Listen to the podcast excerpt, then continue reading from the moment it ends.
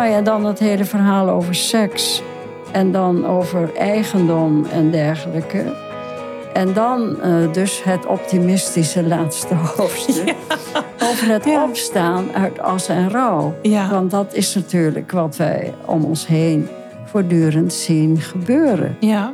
en dat is toch wel een hele positieve ontwikkeling.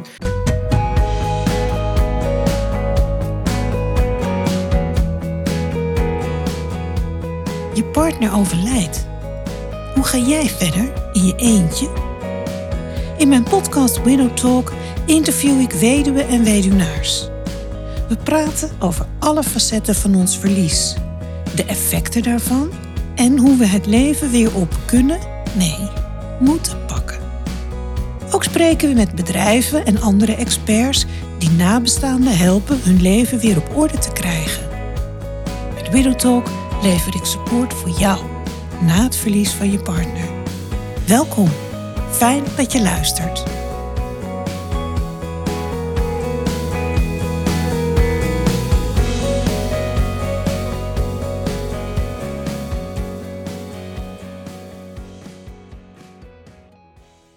Dag luisteraar, welkom. Daar zijn we weer.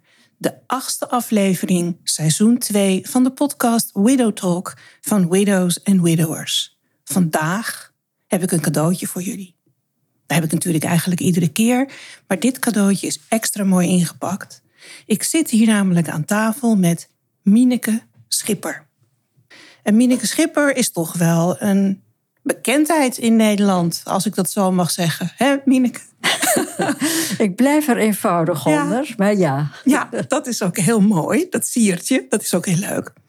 Maar Mineke is emeritus hoogleraar interculturele literatuurwetenschap en schreef verschillende boeken, waaronder het boek Trouw nooit een vrouw met grote voeten.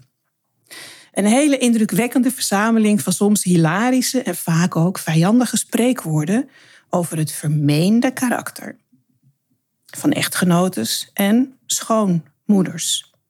Ook over weduwen worden overal ter wereld van dit soort zogenaamde waarheden verteld. En die zijn zelden aardig bedoeld. Dat boek deed het enorm goed. Dat is in hoeveel talen vertaald? Ja, ik denk bijna twintig of zo. Heel veel. Ik hoorde zelfs van Minike zelfs in het Marathi, een taal waarvan we niet eens wisten dat die bestond. Maar in India. In India, hij wordt door 80 miljoen mensen gesproken. Ja, ja, ja. Kijk nou toch. Kijk. Ja. ja. Nou, en Mineke kreeg het um, een paar jaar geleden op de heupen. En die dacht dat onderwerp weduwe, dat wil ik eens wat verder gaan uitdiepen. Dat heeft ze gedaan. In de tussentijd werd Mineke zelf ook nog weduwe. Toen ze eigenlijk met het boek uh, bezig was. Wat het een extra ja, verdieping gaf, denk ik. Omdat je zelf door de situatie heen liep en ook bezig was met de geschiedenis van weduwe. Dan kijk je toch op een andere manier, denk ik. En uh, het boek ligt nu voor mij. Weduwen, een nooit vertelde geschiedenis. Ik raad je aan, luisteraar, om het boek aan te schaffen. We komen binnenkort ook met een kortingscode. Die ons uh, door Mineke en haar uitgever beschikbaar worden gesteld. Zodat je het met wat ledenkorting kan kopen. Interessant, het aanraden waard. Je gaat niet met een glimlach op je gezicht slapen. Maar je beseft wel waar we vandaan komen. En dat het altijd nog beter kan. Maar ja. dat we niet hoeven te klagen op zich. Ik denk dat het aan het eind toch optimistisch Klopt. Ja. afloopt. Omdat er heel veel veranderd is en aan het veranderen is. Met betrekking tot weduwen, zeker in ons deel van de wereld. Ja. Ja, ja, dat klopt. Maar heb ik het een beetje goed gezegd zo, Mineke? ja, ja. Nou ja, ik uh, ben al mijn hele leven bezig met uh, aandacht voor verschillen en overeenkomsten tussen culturen. Wat hebben wij als mensen gemeenschappelijk? En uh, bijvoorbeeld, we hebben ons lijf gemeenschappelijk en onze basiservaringen. er zijn een paar kleine verschillen in lichaamsdelen die alleen vrouwen hebben, bijvoorbeeld. Ja. daar heb ik eerder een boek over geschreven, dat ook veel vertaald wordt. Heuvels van het Paradijs. Ja, mooie titel. Ja, ja, ja. ja. En als je zo naar de wereld kijkt, dan zijn we op het ogenblik heel erg bezig met verschillende identiteiten, terwijl we dan een beetje vergeten wat we met elkaar delen. bijvoorbeeld eh, dat wij eindig zijn als mensen en dus te maken hebben met afscheid en rouw en bepaalde soorten kleren die je geacht wordt te dragen als je dan in de rouw bent. En zo over de hele wereld kom je dingen tegen die je in elkaar kunt herkennen uh, als mens, als medemens. En uh, ja, dat is heel waardevol, denk ik. Uh, hoe meer wij elkaar kennen en herkennen, hoe minder oorlog, denk ik altijd. Dat denk ik ook. Als we meer begrip hadden voor elkaar, dan zou de wereld er anders uitzien. Ja. ja. Wat dat betreft is interessant. Ik was in de gelegenheid in der tijd dat mijn kinderen naar de internationale school gingen. De internationaal onderwijs kregen, waar ze met 20, 30 verschillende culturen op school zaten. En ook heel veel aandacht werd besteed aan het begrijpen van elkaars cultuur. Daar informatie over krijgen. En weten wat zijn mijn vooroordelen en hoe worden die weggenomen door de informatie die je krijgt. En als je daar als kind al mee opgevoed wordt, ja. dan ziet de wereld er heel anders uit. Ja, zeker, zeker. Nou ja, en dat is natuurlijk met zo'n onderwerp als weduwe. Als je dan nieuwsgierig kijkt naar hoe zit dat bij anderen, dan kun je gaan vergelijken en herkennen waar komen bepaalde angsten vandaan, waar komen, komen bepaalde manieren van rouwen vandaan, ja. enzovoort. Ja. ja, dat is mooi. Ja. ja. Ehm, en als we nu kijken naar het boek. Ja. Wat heeft nu gemaakt dat jij zei: ik ga een boek schrijven over weduwen. Ik ga me in hun geschiedenis verdiepen, want dit moet met de wereld gedeeld worden. Dit moet duidelijk worden. Ja, nou ja, ik was dus, uh, dat noemde je al eventjes, uh, dat boek Trouw nooit een vrouw met grote voeten. Dat ging over spreekwoorden over vrouwen uit de hele wereld. En behalve de moeders die in de hemel geprezen worden, wordt de rest van uh, het vrouwdom in de wereld wordt, met gemengde gevoelens bekeken. En de meest negatieve gevoelens lijken wel losgelaten te worden op de categorie weduwe. En toen ik las wat er zo al over weduwe gezegd wordt, dacht ik, ja, hier moeten we toch eens opnieuw naar kijken. Wat gebeurt daar? Ja, je hebt een mooie bloemlezing van ja, uh, gezegdes en dergelijke. Kom maar nou, door. Uh, dus het lijkt wel alsof het goed nieuws is hè, als de vrouw doodgaat. De dode echtgenote is het beste voorwerp in huis. Dit is Catalaans. Verdriet over de dode vrouw duurt tot de deur. Frans, Italiaans, Spaans, heel Europa en ook nog in Latijns-Amerika. Dood van je vrouw, vervanging in bed, is Tsjecheens. Gelooft zij de, de deur waardoor de dode vrouw vertrekt? Nou ja, zo kan ik nog wel even doorgaan. Is wat, hè? Ja, maar dan ga je meteen denken... ja, dit moet dus ergens vandaan komen. En bovendien werd dat... Wie, wie zei dat vroeger? He, zei die dode, uh, die man, die weduwnaar die zijn vrouw verloren had, zei hij dat hardop? Of zeiden zijn vrienden tegen hem? Er zaten daar ook buurvrouwen en andere mensen bij. En uh, of er nou vrouwen bij zaten of niet, uh, dat werd zonder enige terughoudendheid gewoon hardop geroepen. Dat werd gewoon gedeeld. Ja. ja. terwijl de houding van weduwen was over de doden niets dan goeds. Ja. dus die, ja, die waren meer geïntimideerd. vooral ook omdat ze al het gevoel hadden...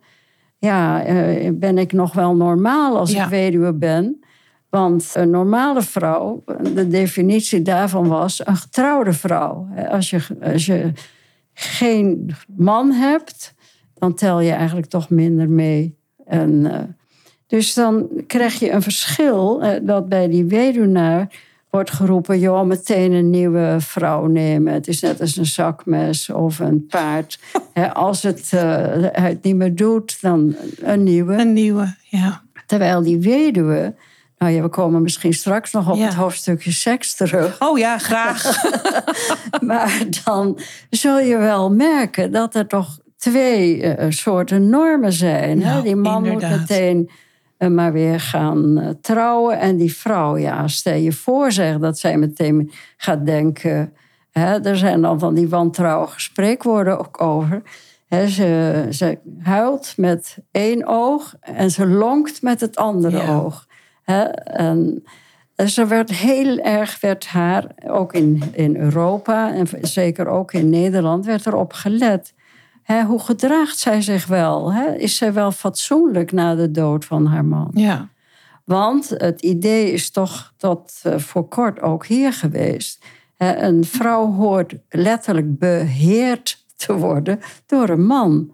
Ja. en als die man wegvalt, uh, ja, dan is zij een paard zonder ruiter. Hè. En als die baas er niet meer op zit, een paard zonder ruiter, dat gaat eigenlijk ook over seks natuurlijk al. En uh, als die man er niet meer op zit, ja, stel je voor dat ze zelf de weg naar de wei vindt. En stel je voor dat ze daar vers fris gras gaat eten. Want uh, en, en, eten is ook meestal een, een metafoor, een metafoor ja. voor seks. Ja. Dus, Wat niet eigenlijk, als je er zo over ja, Ja, ja, maar ja. Dus, er, is heel, er is heel veel wantrouwen uh, geweest van... Ja, vrouwen hoorden onder controle te staan. Meisjes onder controle van hun vader. En bruiden vanaf de eerste dag onder controle van hun echtgenoot. Ja, en dan, dus dan krijg je een beetje een zenuwachtige sfeer. Ja, maar wie beheert haar nou eigenlijk hè, als zij alleen achtergebleven is? Nou ja, dus dat soort uh, overwegingen had ik. Toen dacht ik, nou, dan moet ik toch eens even mij instorten. En dat heb ik even gedaan. Ja. ja, dan ben je toch weer een paar jaar mee bezig. Exact, en, ja. uh, maar ik moet zeggen dat het een verbijsterende ervaring was. Omdat je toch vooral uh, duidelijker begint te zien wat eigenlijk met heel veel vrouwen in elke patriarchale samenleving gebeurd is.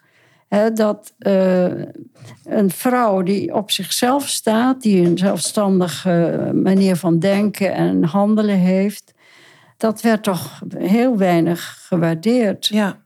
En nog zie je het aan. De sterke vrouwen zijn nog steeds erg bedreigend. Ja, ja. ja kennelijk. Ja, ja. Komt dat bij angst van mannen vandaan, denk je? Dat ze bang zijn dat de vrouw hun voorbij streeft? Ja, ik denk dat uh, vrouwen daar natuurlijk ook aan meegewerkt hebben zelf. Door altijd uh, te kiezen voor een, een man met grote voeten, zal ik maar zeggen. He, dat een. De hele de manier van praten over mannen en vrouwen uh, in onze mondelinge overlevering, eigenlijk wereldwijd, dan zie je dat het ideaal is, zowel voor mannen als voor vrouwen, vaak uh, zo beleefd. Een vrouw moet jonger zijn dan haar man. Ze moet kleiner zijn dan haar man. Ze moet minder opleiding hebben dan hij. En ze moet uh, letterlijk en figuurlijk naar hem opkijken. Ja. En de meeste vrouwen, omdat het een normale vrouw was, een getrouwde vrouw, dan zocht je je eigen carrière in de carrière van die man.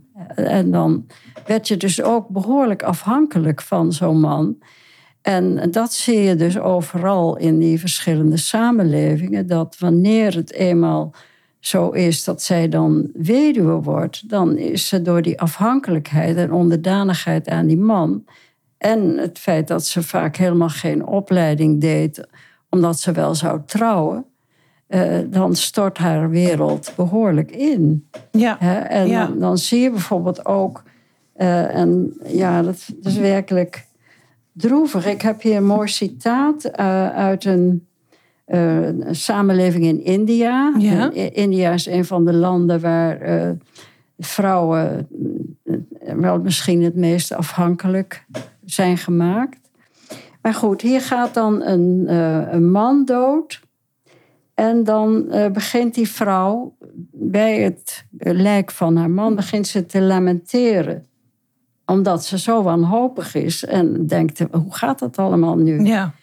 En dan zegt ze dit, waarom heb je me in de steek gelaten? Wat heb ik verkeerd gedaan tegen jou? Waarom moest je mij verlaten tijdens mijn leven? Gaf ik je niet al mijn tedere genegenheid van trouwe echtgenoten? Ben ik niet altijd deugdzaam en kuis geweest? Heb ik je geen mooie kinderen gebaard? Was ik niet vlijtig toegewijd in alle plichten van het huishouden? Heb ik niet het hele huis elke dag aangeveegd en heb ik de vloer niet glad en mooi schoongeboend?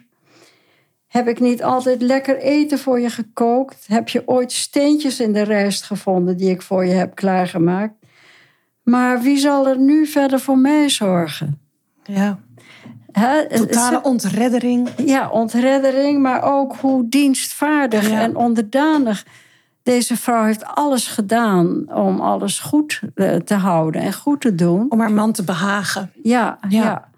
ja. en eh, nu laat hij haar in de steek. Ja, dat is een, een best een treurige uh, ontwikkeling voor haar.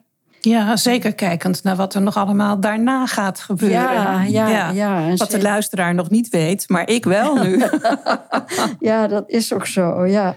Maar goed, wat uh, in, in India was natuurlijk uh, vroeger een, een veel gepraktiseerde gewoonte... was uh, dat je ook meeging met je man de dood in. Ja. Hè? Ja. Dat, dat konden heel veel families zich niet veroorloven, omdat elke paar handen op het land werken kon je niet missen. Precies. Ja. Maar in de hogere kringen werd er soms al beloofd als je ging trouwen. Ja. Dat als hij dood zou gaan, dan zou zij meegaan. Dus hij hoefde er nooit over in te zitten of ze ooit zou hertrouwen als dat beloofd was, dan zou het later wel uh, goed gaan. Want dan wist hij zeker dat ze meeging het graf in. en daar krijg je dan die zogenaamde sati-ceremonie, die dan ja, ja. In praktijk werd gebracht. De man is gestorven en zij gaat mee op de brandstapel en uh, laat zich levend met haar dode ja. man mee verbranden. En dan uh, heeft ze, trekt ze haar trouwkleren weer aan en haar uh, huwelijkssieraden doet ze om. En, uh, want eigenlijk mag je als weduwe helemaal geen kleuren meer dragen. Je mag alleen maar nog in, een witte sari rondlopen. Ja, ze worden onaantrekkelijk gemaakt. Ja, hè? ja en ze moet vasten. En mag zich niet douchen toch ook soms? Nee, of moet nee. zich smeuren met van alles? Ja, ja, ja. maar dat is weer bij andere Ja. uh, culturen. Cultuur. Maar zij, en, uh, en de hindoe-vrouwen, Ja. die moesten dan uh, ja, helemaal uh, mager worden. En ze kregen heel weinig eten. En, want anders werd gedacht, ja, ze is zo seksueel wellustig. Uh, omdat ze al weet wat seks is, doordat ze getrouwd is geweest. Dus dan is ze daarna niet meer te houden. En, uh, dus dat hele, dat is ook zo'n soort angst. Hè, van, Ja. uh, en uh, dus dan was het maar overzichtelijk. Als ze al meeging met die man, dan uh, was dat alvast in orde. Maar het, het, wat ik eh, heel interessant vond eh, bij het schrijven van dit boek... eerst verzamel je dan heel veel materiaal... en dan denk je, ja, hoe, uh, hoe breng je daar een soort orde in? Hè? Maar dan zie je dat wat je overal herkent... is afscheid nemen Ja. en rouwen... en dan nieuwe kleren aantrekken... en dan mee met je gestorven man, waar we het al even over hadden... En uh, verdacht worden van hekserij. Want Ja. hoe is die man eigenlijk doodgegaan? En het waren vooral weduwen die verdacht werden van hekserij. Ja, Ja. ja, die zijn ook vaak verbrand als heks. Nou ja, dan het hele verhaal over seks. En dan over eigendom en dergelijke. En dan uh, dus het optimistische laatste hoofdstuk. Over het Ja. opstaan uit as en rouw. Ja. Want dat is natuurlijk wat wij om ons heen voortdurend zien gebeuren. Ja. En Ja. dat is toch wel een hele positieve ontwikkeling. Klopt. En aan de andere kant, in die positieve ontwikkeling, zeg je ook, door de individualisering van de maatschappij, krijgt rouwen weer te weinig aandacht, zeg maar. Ja, want eh, kijk, eh, in die bemoeizuchtige samenlevingen, die hebben ook aan de andere kant wel een. Je zit dichter op elkaar en je bemoeit je meer, meer met elkaar, maar je bent ook meer met elkaars lot verbonden. Ja. En, uh, en dat is denk ik waar het hier wel eens aan ontbreekt. Je kunt dus twee keer zeggen, ja, mijn man is overleden. En dan vragen ze nog een keer, hoe gaat het met je? Dan wordt er al verwacht dat je gaat zeggen, goed. Ja, ja, ja. Het zijn maar weinig mensen die dat langer volhouden met ja, je. Ja, ja, ja. En die uh, gewoon een beetje meelopen of meedenken of meekijken ja, dat is toch heel troostend voor, een, uh, voor iemand die uh, een dichtstbij medemens. Dat is heel belangrijk. Verliest. Ja. ja. Daarom is praten met lotgenoten ook zo fijn. Ja. Dat, dat, zie je natuurlijk in jou, jou, jouw boek ook voor een deel. Dat er hele communes zijn hè, waar de weduwe dan wonen. Dat is vanuit natuurlijk een situatie dat er geen alternatief is voor ze. Dat ze verstoten worden.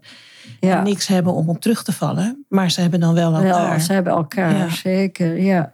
Nou ja, dat afscheid nemen, dat is natuurlijk eh, best heftig. In welke cultuur het is. Ik heb in het boek hele mooie afbeeldingen van. Ja, eh, heel mooi. Ja. Dus uh, zowel in zwart-wit als in kleur. En dan zie je hoe dat gaat. Dan er ligt bijvoorbeeld een, een Egyptische man, die ligt in zijn sarcofaag. En zijn geliefde, uh, die zitten naast. Maar die man zit al ingepakt eh, in die houten sarcofaag in, in de vorm van een mens. En dan zit zij daarnaast hè, te rouwen met één hand op het hoofd. Dat is een oud rouwgebaar, een wanhoopsgebaar. Ja. En ja, wat gaat het nu, hoe gaat het nu met haar verder? Hoe kan zij verder? Dat is dan wat, de, wat de vraag is. En overal, hè, dat hoorden we net ook met die uh, Indiase vrouw. Hè. Wat moet er nou met mij? Wat moet er met mij gebeuren? En vandaar dus dat er van die schietgebedjes zijn, bijvoorbeeld in het Russisch.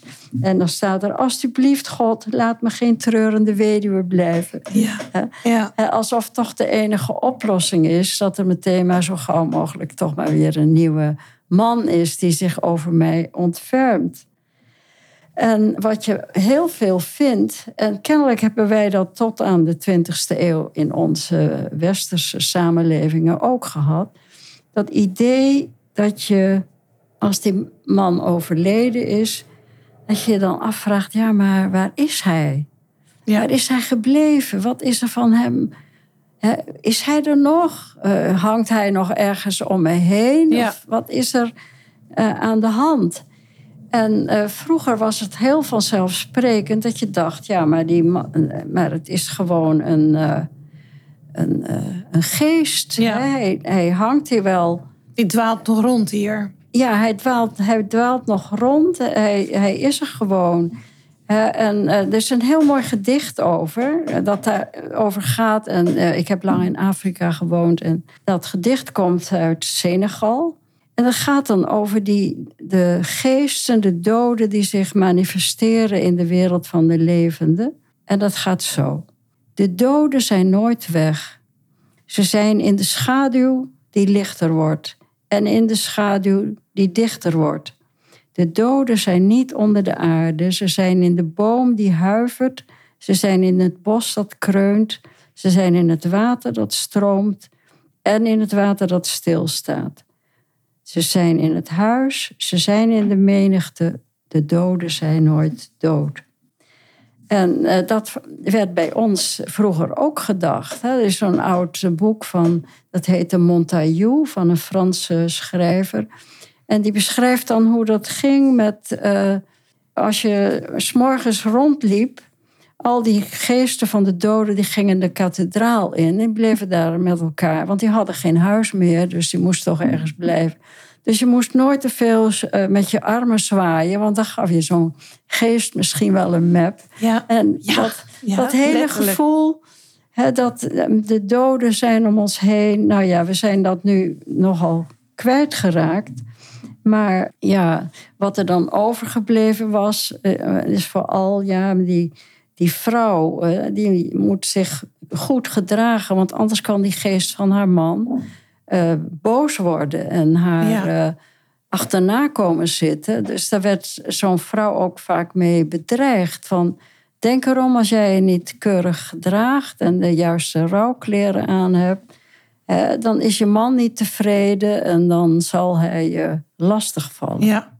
Dus het was een beetje zo'n soort verhaal als, uh, uh, als een Sinterklaasverhaal met zijn, uh, met zijn knecht Piet. Die zal je wel krijgen als je niet netjes Precies. en gehoorzaam geweest. Ja, ja. Nou, zo werd die geest van die man soms ingezet. En, om die weduwe onder controle te houden. Ja. En daar waren ook weer allemaal rituelen aan verbonden ja, natuurlijk. zeker, zeker, zeker. En zit daar ook een reden dat de vrouw bij die stam, of hoe wil je het noemen, in India mee ging de brandstapel op? Dus mee ja, de nou, de Hindoes zijn een groot volk, hè? Dus uh, ja, als, dat, uh, als de familie daarop aandrong, omdat het ook een prestige voor de familie was. Kijk eens, we hebben zo'n fantastische weduwe die ervoor gekozen heeft om solidair met haar man te zijn. Dat is een voorbeeld voor de mensheid. Hè? Zo werd het dan wel gepresenteerd. Ja.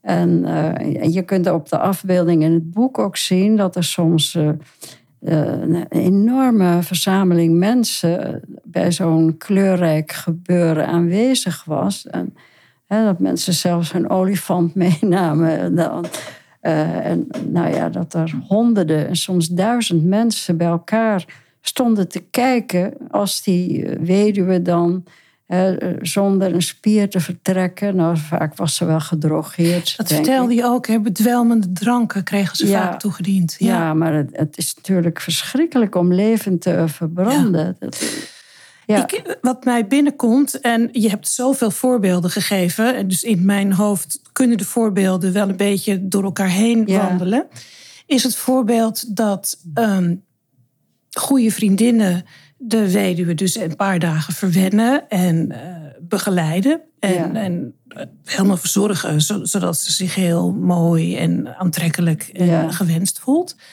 En dan moet ze naar binnen in het hutje of waar ze dan ook naar binnen moet. En dan gaan er mannen naar binnen met knotsen om haar benen te breken. En buiten gaan andere mensen dan alvast heel harde ja, muziek Ja. of trommelgerof of wat dan ook Ja. maken. Zodat de dames die aanwezig zijn het geschreeuw van de weduwe niet horen. Want dat zou kunnen betekenen dat zij, als de hun beurt is, voor de eer bedanken. Ja, ja. Ja. ja, dit is een oud verhaal uit, eh, van een eh, Arabische schrijver uit Irak, een reiziger. Die heeft het allemaal opgetekend in Rusland. En eh, ja, dat is best een heel schokkend verhaal. Nou. Hè? En, eh, dus dat, en de vrouw waar het om ging, die moest eh, mee met een Scandinavische viking die zich had geïnstalleerd ergens in Zuid-Rusland. En eh, nou, zo is dat allemaal opgetekend, anders hadden we dat nooit geweten. Nee, nee. Maar trouwens, de, de eh, missionaris Bonifatius, die kwam uit Engeland. Eh, die heeft overal rondgereisd in Europa. En die eh, zegt ook ergens, ja, maar daar in eh, Oost-Europa... dan zijn die, die, die vrouwen, die houden zo verschrikkelijk veel van hun mannen... dat als die man overleden is, dan zetten ze een galg op zijn graf... en dan gaan ze aanhangen, uit liefde voor hem.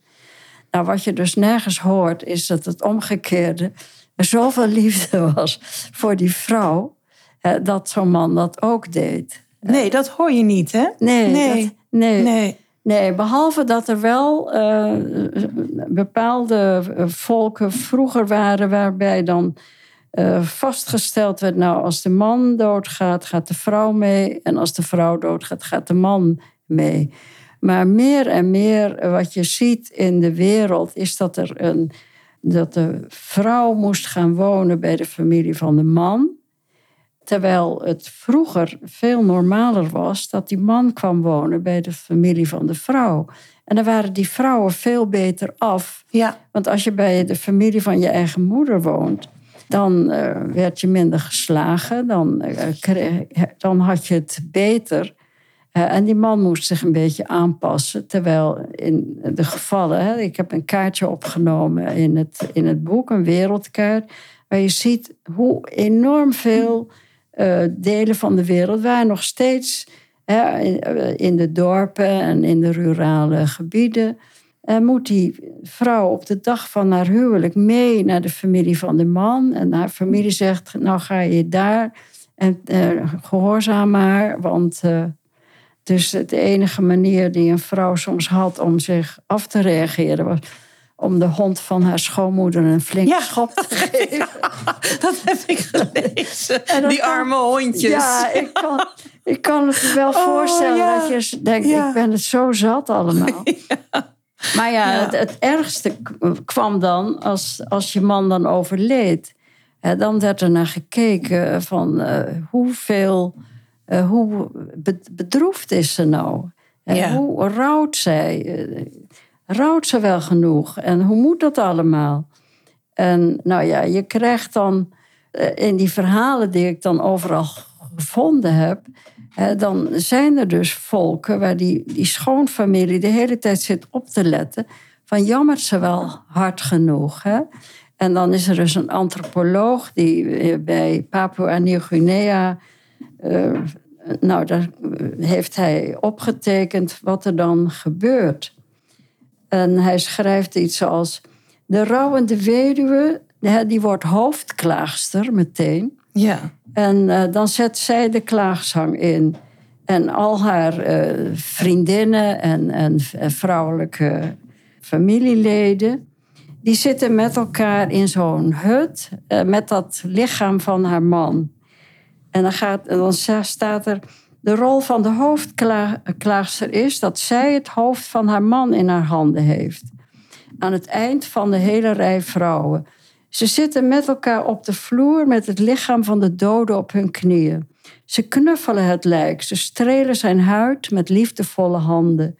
Ze drukken waardevolle voorwerpen tegen zijn borst en buik. En met kleine zetjes houden ze zijn ledematen in beweging op het ritme van onophoudelijk gehuil. Nou, en dan moet die, die weduwe, die moet maandenlang moet die blijven uh, luid, schreeuwend klagen. Met minimaal eten en drinken, hè? Ja, ja, ja. Dus dan staat er bijvoorbeeld dit. De weduwe uit haar eerste doordringende kreet, die door de andere vrouwen onmiddellijk wordt beantwoord, totdat het hele dorp zich vult met de vreemde stemmenharmonie van melodieuze klaagzang. Vanaf dat moment worden in het dorp alle uiteenlopende werkzaamheden in de dagen en weken daarna begeleid door één langgerekte jammerklacht met koorbegeleiding die geen moment stopt. Dat moet je je voorstellen. Misschien heb je juist als, dacht ik, zin om in een hoekje in je eentje lekker te zitten snikken. Ja. of met één of twee vriendinnen eens even, jongens, uh, kom eens even lekker in mijn buurt. Ja. dan krijg je zo'n opdracht. En dan zie je die argusogen van de, van die familie van de dode man. Ja, je bent je man al kwijt. Maar die hele familie, die uh, blijft je achterna zitten... om maar hun wantrouwen kwijt te raken dat jij er toch iets mee te maken hebt dat die man doodgegaan is. Ja, want dat is een heel sterk gevoel, hè? Ja. Of het wordt aangegrepen omdat het ja. zo goed uitkomt. Maar ja. Uh, ja. Nou, nou, ja, ik denk, wij hebben daar nog iets van over. Uh, er wordt heel uh, vaak toch nog een beetje lacherig over schoonmoeders gedaan. Ja, ja, ja, ja. En dat is er nog steeds. Dus het heeft allemaal toch ergens met een heel oud instinct te maken. Van degene die van buiten komt in de familie. Ja, dat is niet hetzelfde bloed. Ja. Hè? En ja, incest, dat mag nergens. Hè? Dat is een taboe. Dus je hebt wel zo'n vrouw van buiten nodig om als een soort draagtas voor de kinderen van de familie. draagtas. Ja. ja. ja. Uh, dus je hebt haar wel nodig. Maar dat wantrouwen, ik weet nog uit Congo, waar ik een aantal jaren gewoond en gewerkt heb. Daar zeiden moeders tegen hun zoon als ze dan gingen trouwen: eten met een vrouw is eten met een heks. En uh, als je dan vroeg, maar wat betekent dat nou? Nou ja, maar zij komt van een vreemde familie. Dat is toch niet hetzelfde. Dus je kan alles verwachten. En uh, nou ja, ik denk als je nou een wijze schoonmoeder bent, dan ga je je herinneren dat je zelf ook schoondochter geweest bent. Want het is iets waar al die moeders doorheen gegaan zijn. Ja, ja, dus als je dan een soort mildheid kunt ontwikkelen, dan kun je haar misschien wel in je armen sluiten, denk ik. Nou ja, dus zo uh, kom je dan allerlei manieren tegen van rouwen. Hè? Ehm, dat luidkeels rouwen, dat is toch vaak overgelaten aan, uh, aan vrouwen, aan de weduwe, maar ook aan andere vrouwen, hè, die dan in solidariteit met haar enorme een, een, een, een huilpartij opzetten. Want uh, bijvoorbeeld bij de oude Grieken, dan zeiden ze ja, maar een man die huilt niet. En een man die zijn emoties laat zien, dat is eigenlijk een soort vrouw. Dus uh, dat moeten we niet hebben. Ja. dus nou ja, dat de barbaren, dus andere volken dat doen. Maar wij Grieken, wij Griekse mannen, wij laten geen traan. Dat is een stoer, echte mannen. Ja, ja, ja. ja, Terwijl ik denk, uh, als mannen meer zouden huilen, dan zouden ze eh, zich misschien wel beter voelen dan in plaats van alles weg te slikken. Zo'n stukje gebalanceerder worden wellicht.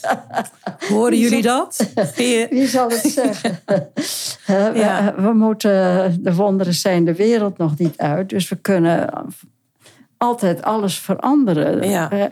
En dat is juist zo mooi in al die tradities. Je kunt je voortdurend blijven afvragen. Maar hoe willen wij nu verder? Waar willen we met elkaar naartoe? Ja. en uh, ik denk dat het meegaan met die gestorven man, dat dat wel een uh, best een treurige optie is. Nou, enorm.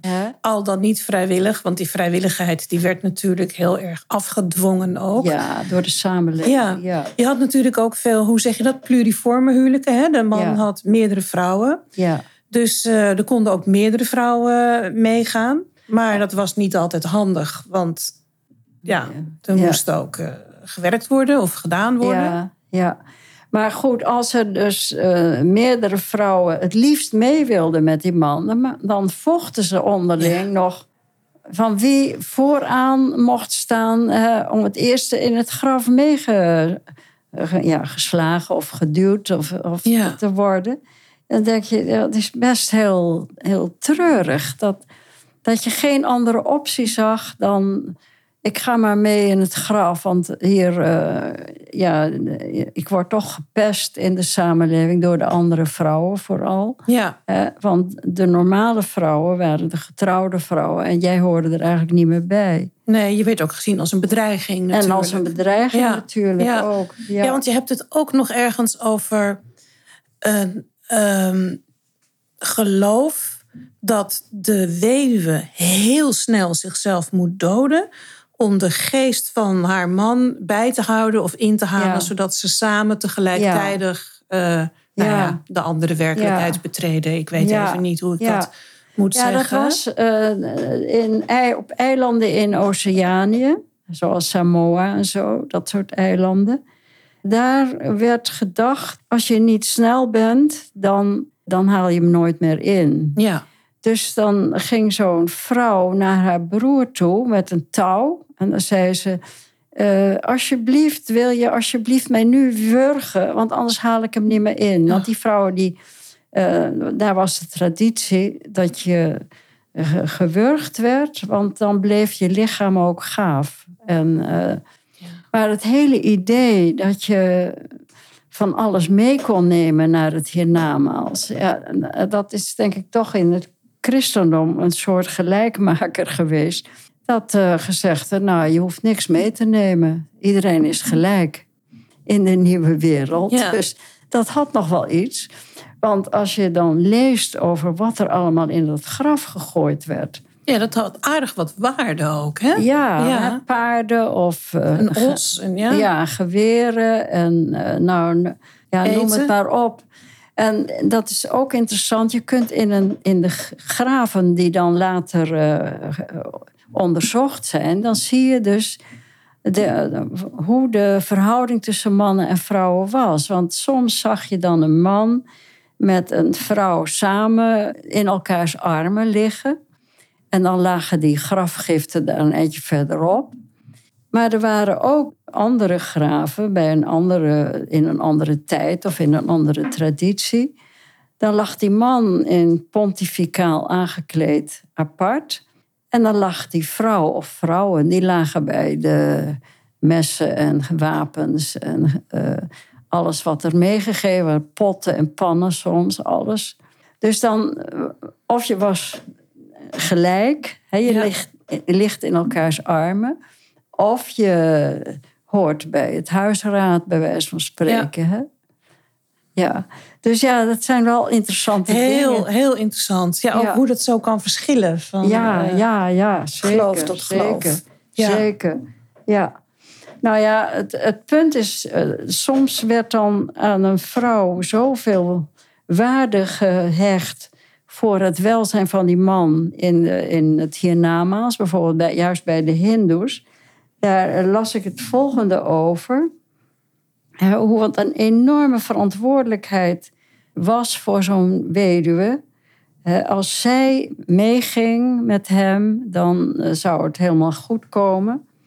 Zelfs als haar man schuldig was aan de moord op een Brahmaan, nou dat is het ergste, of een vriend, of als hij ondankbaar was geweest, dan zal de vrouw die met hem in het vuur sterft, door zijn lichaam te omklemmen, zal ze hem uh, reinigen van zonde.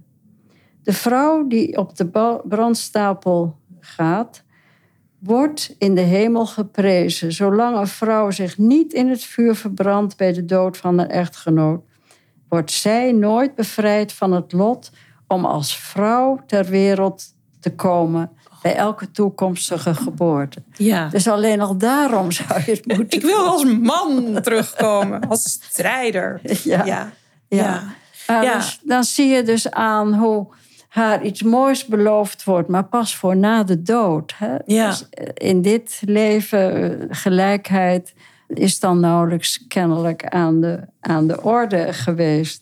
Ja, en het, het, was dus ook verdrietig dat, dat ze als vrouw geboren was, eigenlijk. Een soort van schande. Ja, ja, Terwijl vrouwen cruciaal waren, want dat zijn nou eenmaal de enige van de twee seksen die we hebben, die kinderen kunnen uh, produceren in hun lijf. Ja. Maar vaak wilden die moeders dan ook liever een zoon. Hè? Omdat je voor die dochters moest je dan een, eh, een bruidschat meegeven. En dat als je arm bent, dan was dat geen mogelijkheid.